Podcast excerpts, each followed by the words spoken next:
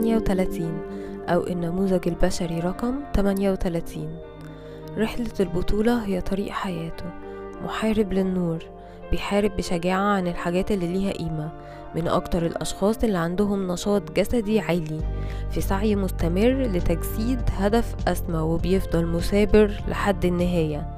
النموذج ده شعوري جدا وخالي من التفكير.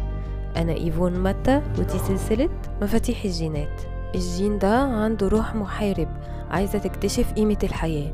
بيدور على هدف لوجوده هدف سامي يستحق المعاناة.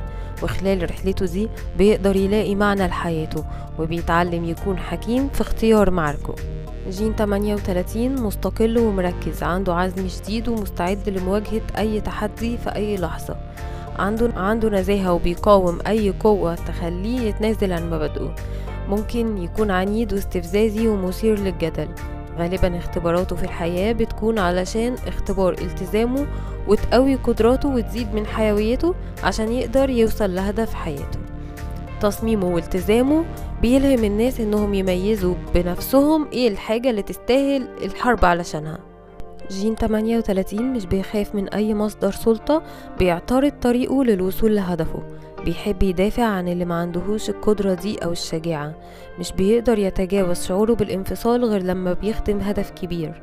هو بيكون شريف لحد الآخر بيدافع عن الحق زي كده جلاديتور. بيحارب لآخر قطرة دم. بيجسد البسالة والقيم العليا وهو بيلاقي التقدير على موقفه الشجاع ده في العالم وحتى لو بعد وفاته. بيقدر يحول المعركة لرقصة وبيمكن الناس إنهم يحرروا نفسهم من دور الضحية. هو بيخلي المستحيل يبان سهل حتى لو كان بيبذل نفسه بشكل كامل. لما بيحارب من تردد الحب مش من تردد الخوف بيقدر يخلي الكل كسبان. عشان كده ناس كتير بتشوفه بطل. جين 38 بيكون في علاقة عاطفية قوية مع جين 39 بالرغم من شجاعته في ساحة المعركة جين 39 عايش في عالم العواطف. القطبية والانعكاس دول بيخلقوا جاذبية قوية بينهم. جين 39 بيكون المكان اللي بيقدر يرتاح فيه جين 38 وبيعرف يستقبله بكل حنان. بيكون فخور بحبيبه وعارف إنه لما يضطر يسيبه فده لهدف سامي بيخدمهم بطرق مختلفة. الاتنين بيقاتلوا من أجل الحب والحب دايما بيهزم الخوف.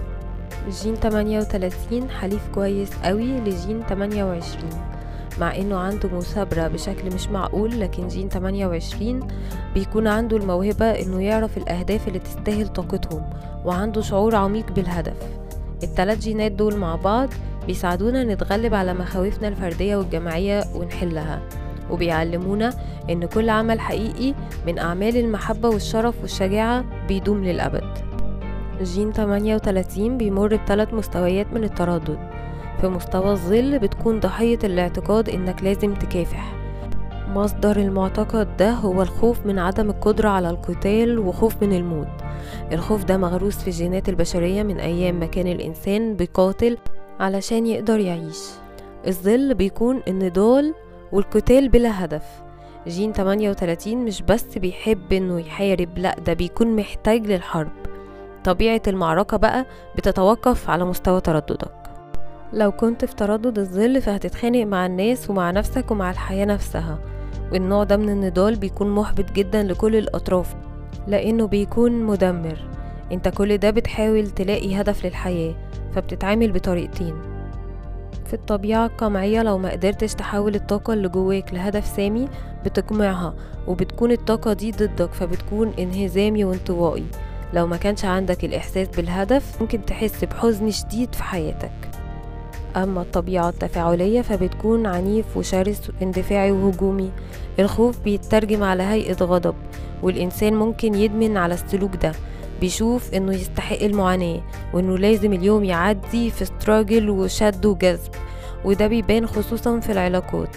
مع الوقت بيبتدي يجذب المعاناة ليه. بتحارب من أجل البقاء عشان الفلوس أو الأشياء مادية فبتحس بإنك في الصراع طول الوقت بدون هدف أعلى لخدمة العالم معظمنا بيكره فكرة النضال لكن كل الكائنات الحية بتتولد عشان تكافح.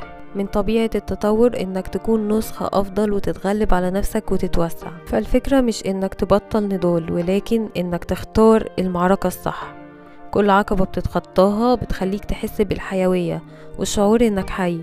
بتخليك أقوى ومرن أكتر عشان تقدر تحقق هدفك السر الكبير عشان تكسر أنماط النضال والحرب دي هو بسيط جدا مجرد إنك تاخد نفس. في اللحظة اللي تلاقي نفسك في المعركة اقف وخد نفس. هينكسر النمط وتخلق مساحة تعمل فيها إعادة توجيه لطاقتك. التكنيك ده على بساطته لكنه بيعمل تحول كبير جدا. لما تتعلم تهدى وتختار معاركك وتحارب من تردد الحب مش الخوف بتوصل للهدية وهي المثابرة الروح اللي مش بتقهر. لما بتركز روحك وقلبك وأفعالك في قتال مرضي معاركك مش هتبقى مجرد صراعات بلا هدف. أما في المستوى الثالث فهتوصل للشرف. المحارب الحقيقي بيحارب عشان يساعدنا نتغلب على مخاوفنا الشخصية والجماعية. انت بتكون متجذر في حب نقي لدرجة انك ممكن تضحي بنفسك بدون تفكير لخدمة أهداف عليا. وهتعرف إن ده فعل شرف حقيقي لما تجمع الناس كلها في ترددات أعلى. اكتب لي في الكومنتات لو كان عندك جين 38 أو حسيت إنه يخصك. وإلى اللقاء مع جين 39 وضحايا التقلبات المزاجية. لو عجبك الفيديو أعمل like واشترك في القناة وفعل الجرس عشان توصلك كل الحلقات.